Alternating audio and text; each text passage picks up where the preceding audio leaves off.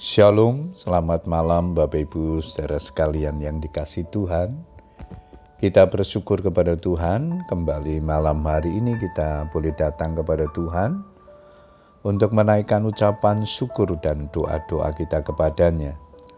Namun sebelum berdoa, saya akan membagikan firman Tuhan yang malam ini diberikan tema berlaku adil, setia, dan rendah hati.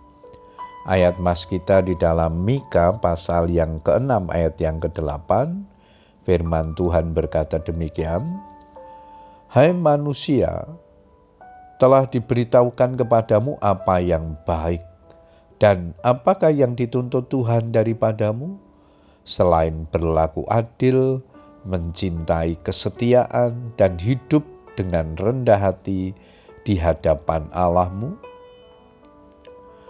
Bapak Ibu saudara sekalian, Mika adalah orang Moreset, suatu kota yang berada di dekat daerah Gad. Arti nama Mika adalah siap Tuhan seperti engkau.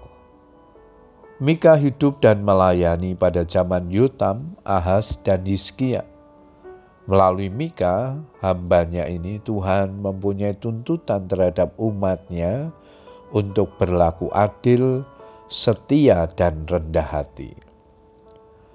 Adil berarti berada di tengah-tengah, jujur, lurus, dan tulus. Suatu sikap yang tidak memihak kecuali kepada kebenaran.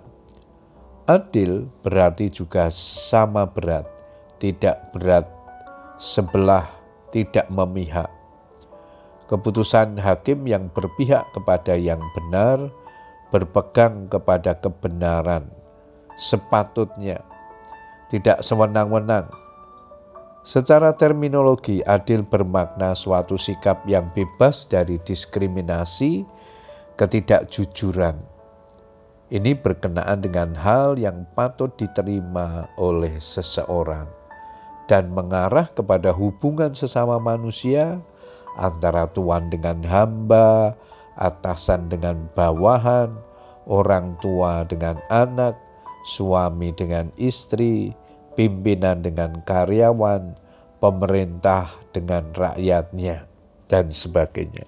Dunia dipenuhi ketidakadilan. Keadilan diputar balikkan. Keadilan dapat dibeli dengan uang. Meski demikian, orang percaya dituntut untuk menjadi teladan dalam hal berlaku adil. Setia adalah berpegang teguh pada janji, pendirian, dan sebagainya. Patuh, taat. Kesetiaan yang dimaksud bukan hanya berkaitan hubungan kita dengan Tuhan, tapi juga hubungan kita dengan sesama manusia.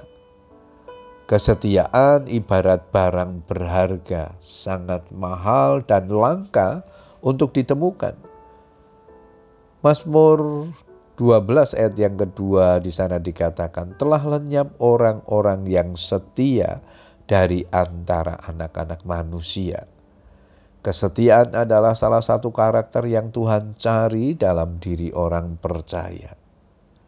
Banyak orang menyebut diri baik hati, tetapi orang yang setia, siapakah menemukannya?